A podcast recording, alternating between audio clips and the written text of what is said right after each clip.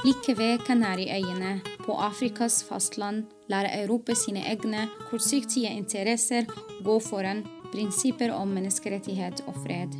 Velkommen til Sandfast, vår podkast om Vest-Sahara, den siste kolonien på det afrikanske kontinent.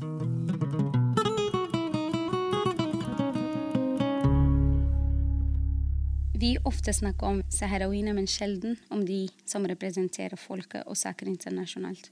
Polisario Navra fra den spanske forkortelse Frente Popular de Liberación de Sagie El Hamra i Rio de Oro ble opprettet i 1973 med mål å frigjøre Vest-Sahara fra første spansk koloni og den marokkanske okkupasjonen senere. Dagens gjest er Obi Bushraye. Obi er Polisario-representativ hos EU, eh, og han var reist eh, den saharawiske arabiske demokratiske republikk, ambassadør i Sør-Afrika og Nigeria. Welcome to Norway and welcome to our podcast. Thank you. So, first question, which most natural, is what is Polisario? So the Polisario Front is the movement of liberation in Western Sahara that is struggling fighting to get the right of self determination of the people of Western Sahara recognized, and it has been founded in 1973 within the context of the movement, international movements of liberation, and it was founded within the context of the struggle of the people of Western Sahara that has been initiated three or four years before with the demonstrations in Zemla that were uh, uh, savagely uh, down by the Spanish uh, colonizers. In 1973, the Polisario was uh, founded as a national movement of liberation. It doesn't have any specific ideological orientation apart from struggling, sharing the same goal and the same objective of fighting towards the independence of Western Sahara. And since 1973, it has been recognized by the international community as the sole and only legitimate representative of Western Sahara, and that's why is uh, uh, now uh, this the other party in the conflict in Western Sahara, in addition to Morocco, that is the occupying uh, power of the territory. So um, you said Polisario has really not specific uh, ideology. The the the goal is the independence of Western Sahara. Unfortunately, that has not been achieved yet. Uh, so what is the situation right now, briefly, uh, and also why you know this goal has not been reached yet? Currently, as we speak, and unfortunately, and after 30 years of the UN UN presence in the territory, um, as you recall, uh, after 17 years of war between uh, the Polisario Front and the Sahrawi people and Morocco, Morocco found itself obliged to recognize the right to self-determination and negotiate a peace uh, plan under the auspices of the UN and the Organization of African Unity. A UN mission, the MINURSO, was deployed in the territory. A ceasefire was signed with the central uh, objective of organizing the referendum of self determination. Unfortunately, Morocco disengaged itself from that agreement, and we went on a stalemate for 30 years, and the UN failed to meet its, its objective and honor the uh, uh, promise and the word that has been given to the Sahrawis and uh, unfortunately since november last year the ceasefire uh, is no longer there. The political process has uh, collapsed and the war is the new reality in western sahara. The failure of the un 30 years is the main cause of the resumption of the armed struggle. And now the international community is um, trying to bring things back to track, but we, we know, and everybody knows, that for years now, the process was derailed from its original course towards a referendum of, of self determination to almost uh, uh, nowhere. Morocco felt a total impunity to defy the UN Security Council, the General Assembly, the international community, and uh, came back almost on everything, refusing the principle of the referendum of self determination. And you mentioned the collapse of the ceasefire, the lack of action from um, the United Nations, uh, and uh, the resumption of the struggle, the armed conflict uh, again, and all this happened in the absence of, um, I mean, an obvious example of uh, the lack of action or maybe lack of commitment from the United Nations side is there has been no special envoy, personal envoy to Western Sahara for almost two years since the resign of the Köhler, if I can pronounce his name correct. But now there is some rumors that the United Nations General General Secretary has uh, a name. Is that true? Is this good news? What is the expectation? Let's let's make a clear difference between the proposal of the new special envoy, who is the uh, Staffan de Mistura, that the Polisario agreed upon in April already without any hesitation, while Morocco kept on until now apparently to give its its agreement to that proposal. We think that he is a very well known, credible mediator, a UN diplomat has served in many conflicts, and there is no doubt about that. But the doubt is about the will of the UN Security Council to accompany the new special envoy in his mission, because one of the causes of the failure of the UN was this tendency within the UN Security Council to hide, be, to hide behind the figure of the special envoy, and almost he, he has been left uh, alone. The special envoy has never been a problem in Western Sahara. We had many special envoys with a credible career, so it has never been a problem of the special envoy. The problem was always residing within the UN Security Council, and this uh, will almost please all the time Morocco at the expense of the rights of the people of Western Sahara, but at the same time at the expenses of the credibility of the UN itself. If the Security Council is going to reproduce the same scheme of the past, hiding behind de Mistura, he will be condemned to a certain failure. Mm. If the Security Council takes the, the responsibility of trying to resolve the conflict in Western Sahara instead of managing it as it has been the case since since now i think then we have a chance for a solution in western sahara so the security council got to sit down study the causes of the failure of 30 years. A lot of mm-hmm. resources have been spent almost to get anything in, in, in, in and as, as a result, identify what is the mandate of the UN personal envoy of the UN Secretary General. Because one of the reasons was the that whoever is appointed in this position was appointed with a very confused mandate. So the, the special envoy doesn't know really, he's leading the process of negotiations exactly to attain what? Because the wording of the resolution was always uh, very much uh, confusing. Mm. a political solution acceptable to the parties on the spirit of realism that may uh, lead to, to the self-determination. So confusing formulas. Now time has come that the security council determines what's the mandate of the new special envoy. And then what is the timetable of the implementation of this proposal? Because nobody is in the mood especially when we see the situation going on in the territory, but also the mounting tension in the whole region. Mm-hmm. Nobody is in the mood of producing another 30 years waiting for nothing. And the third element will be the guarantees. The UN Security Council is to give clear guarantees for the parties uh, to convince them that it is this time around it's really worth to give it a new try.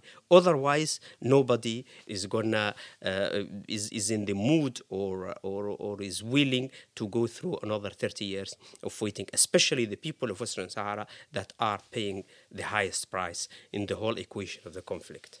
Yeah, and and now it's good that uh, we speaking about the Security Council. Uh, right now, you are sitting. We are sitting in the center of Oslo, and uh, you are in visit here for a few days. Why?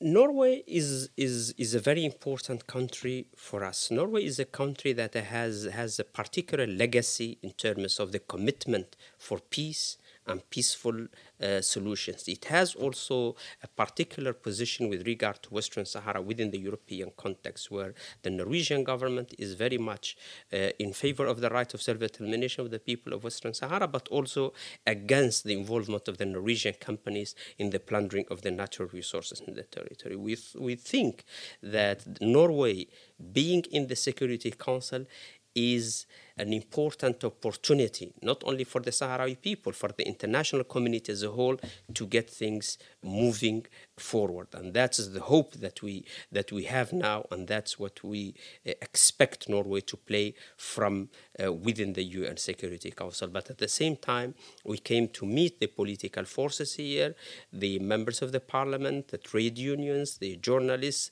the very alive and committed and active committee of solidarity with the people of Western Sahara here in, in, in Norway, and to and to have the contact again and to brief them about what's going on in Western Sahara. And as far as we we are concerned. We think that the both the Norwegian people, but also the Norwegian uh, political class, are very much aware of the struggle that we are doing in Western Sahara, but at the same time, the dangers and the seriousness of the situation in, in on, on ground now in the territory. Mm. And I mean, Norway is part of the Security Council. Someone would say, yeah, it's it's maybe a small country, maybe with less influence, especially if we if we look at the bigger picture. For example, the United States. Um, and now there is a new administration, and we all know, unfortunately, on the 10th of December in 2020, it's actually ironic, but it's in the Human Rights International Day for Human Rights, where Trump uh, recognized Moroccan uh, sovereignty over Western Sahara. Can you just talk about Joe Biden administration? Uh, what are the expectations? Do you think they will revise their position? Of course, we are yet to get the uh, the new administration adopting a clear stand to reverse Trump's uh, proclamation on recognizing the the so-called sovereignty of Morocco over Western Sahara. But at the same time, also we have admit that we have been receiving some positive signs from the new ad- American administration that uh, gives the impression that gradually the U- the new administration is regaining the same momentum and the same tradition and the same position that we used to know. Uh, we have never been happy by the way, with the American uh, position even before Trump, but at least there was a minimum of respect of the international law and the international status of the territory of Western Sahara. Uh, Trump's declaration was in breach with all those principles, not also only the principles of the international law, but even the founding principles of the American foreign policy, especially the right to self-determination, where all we know that uh, President Wilson was one uh, who championed this uh, this cause, and also the position, uh, the opposition to any acquisition of the territories by, by, by force. So Moroccan occupation is in breach with those two elements. So Trump was almost in contradiction with all those principles, including the, the, the, the founding principles of the foreign policy of his own country. So those positive signs, such as the statements by the American officials that the, about the nature of the conflict, the international legality, the United Nations as the, as the only avenue to resolve the conflict in Western Sahara, and then also the two or three statements that have been issued by the Pentagon, but also the Africa Command of the American Army denying the Moroccan propaganda on any American military presence in Western Sahara. And the third element is the fact that the announced American consulate in the occupied uh, city of Dakhla, it's not there, and, and we think that with the new administration, it's not going to be inaugurated. So those are positive signs, but they are not enough, and we are still waiting for the American administration to announce a clear revocation of the of the Trump's uh, illegal uh, stand on Western Sahara that goes against the American uh, founding principles of, of, of uh, the foreign policy, but also against the international law. Did the Trump decision has any negative consequences? Ne- negative implications, especially on the role that we have been um, hoping for the US to play in helping the two parties to agree on the referendum of self determination because uh, there was a minimum respect of the uh, international uh, uh, legal status of the territory of Western Sahara and also the right of self determination as the final objective of the UN process. If the uh, ad- American administration decides to recognize the Moroccan uh, sovereignty over Western Sahara, objectively, the administration cannot pretend to play any role anymore in the conflict in Western Sahara because they took a party in the conflict explicitly and clearly in the side of, of, of Morocco. Say they lost our trust. And if you pretend to play a role of, uh, of mediation, you need at least to keep the minimum of appearances of being in a position in between the two positions, which is no longer the case. And this is, I think, where the new administration will find problems from within the UN Security Council to exercise the role that has been always the, the US role in, in Western Sahara as a pen holder in drafting the resolutions on Western Sahara. And this is where we really need a formal, yeah, f- formal revocation of, the, of Trump's uh, decision. Yeah. Okay. We take to. I was just thinking because most people. I mean, it's a liberation movement. Uh, it has been war, and then it has been peace negotiation.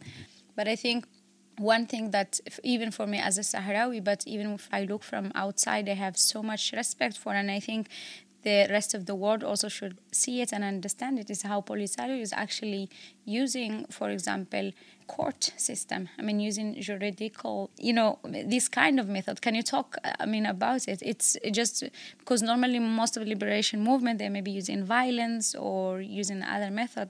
Let me let me state something in this regard that the Frente Polisario, since its foundation until now, has never committed any act or encouraged any member to commit any act of attack or aggression against any civilian outside the legal framework of the struggle of the people in Western Sahara as it has been recognized. Even in those times where committing some attacks were a sort of fashion for the movements of liberation, the Polisario Front has never uh, got involved in such in such uh, act. It was a uh, it was possible for everybody by then, but that is a conscious, very well meditated, and also very well thought. It's a strategic choice that the Polisario has adopted since the first day until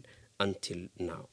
The second element with regard to the peace process, we have been conscious since the first day that there is a part of the bill of peace that we should pay as the other party in the conflict. And we made so many concessions from 1991 to uh, 2020 in terms of the identification of the people to vote, where we ended up accepting a big part of the settlers to vote in a referendum that was meant only for the Sahrawis. We accepted four to five years under the Moroccan sovereignty in Baker's plan. Morocco refused it, and we think that those four to five years were uh, long enough for Morocco to lobby the hearts of the people of Western Sahara that this is the best uh, choice uh, choice for them. And then also a referendum where the Moroccan settlers were. So we knew and we have been conscious that there is a part of the bill that we had to pay, but unfortunately, nobody we had nobody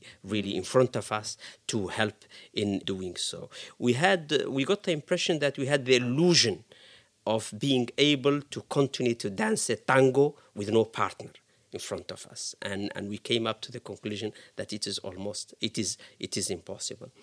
And um, and the, the the third element that also since many years now we decided to use the legal weapon to get our agenda, our national agenda, strengthened within the national, regional, but also international uh, for us.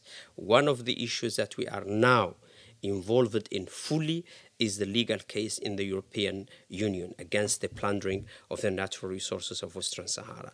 The court uh, decided clearly in our favor in 2016 and 2018, but the politicians within the European Union decided to act against the decisions of their own courts by renewing the economic accords with Morocco that involve the territory and the natural resources of Western Sahara. Now we are expecting a new decision in on the 29th of September of this month, and we think that this will consolidate not only the right of the people of Western Sahara to self-determination, the right of the people of Western Sahara and their sovereignty over their natural resources, but also consolidate the status of the Polisario Front as the sole a legitimate representative of the people of Western Sahara that should give the consent on behalf of our people to any uh, eventual exploitation uh, of the natural resources of the territory. Okay, last question I often uh, uh, ask to my guests. And what do you think people can do in Norway from your perspective as Polisario representative in Europe or EU? I think that any citizen all over the world is primarily a universal citizen, and that uh, we have responsibility not only on the issues related to our narrow perspective within the national boundaries of our countries, but also uh, we need really to think about the plight, the interests, and the legality all over the world. And I don't think that working for legality within the Norwegian context without having a sort of concern and a live concern about the plight and the justice in other parts of the world is, is going to work. And I think that is what is happening in Western Sahara should be really a case that should be not only present but also uh, defended by the general public in Norway, especially that the Norwegian society is known to have an international tradition and known, known to have uh, a sort of interest uh, that goes beyond Norway. What we are calling for, not necessarily to and this is what we say to the government and we say to all the governments all over the world, not necessarily to support the clear choice of the Polisario Front for the independence in Western Sahara, but to support the right of the people of Western Sahara to vote in a democratic and transparent referendum. And whatever the Sahrawis decide, and, and, as a Polisario, and we said this and we reaffirm it again. Whatever the Sahrawis decide, we will live with, even if it is the integration in Morocco. But what we will never tolerate is that a choice will be imposed on the Sahrawi people without counting with their opinion, which is the case of the so called Moroccan proposal of the autonomy within the Moroccan uh, sovereignty. So the genuine exercise of the people of Western Sahara for their right to self determination that is recognized by the international community should be the only and exclusive way to settle this conflict, regardless what will be the outcome of that process. Um, I know you will be traveling more in Europe, doing more of uh, your diplomatic and advocacy work. Thank you for being here and uh, it will be interesting to follow the Security Council. And thank you very much and best of luck. Yeah, it's been really a pleasure to see uh, a Sahrawi uh, lady that is living in Norway and that at the same time she's very active in advocating for her cause and defending the choice of her people. It's been a pleasure. Hvis du vil lære mer om konflikten, gå til vest-sahare.no.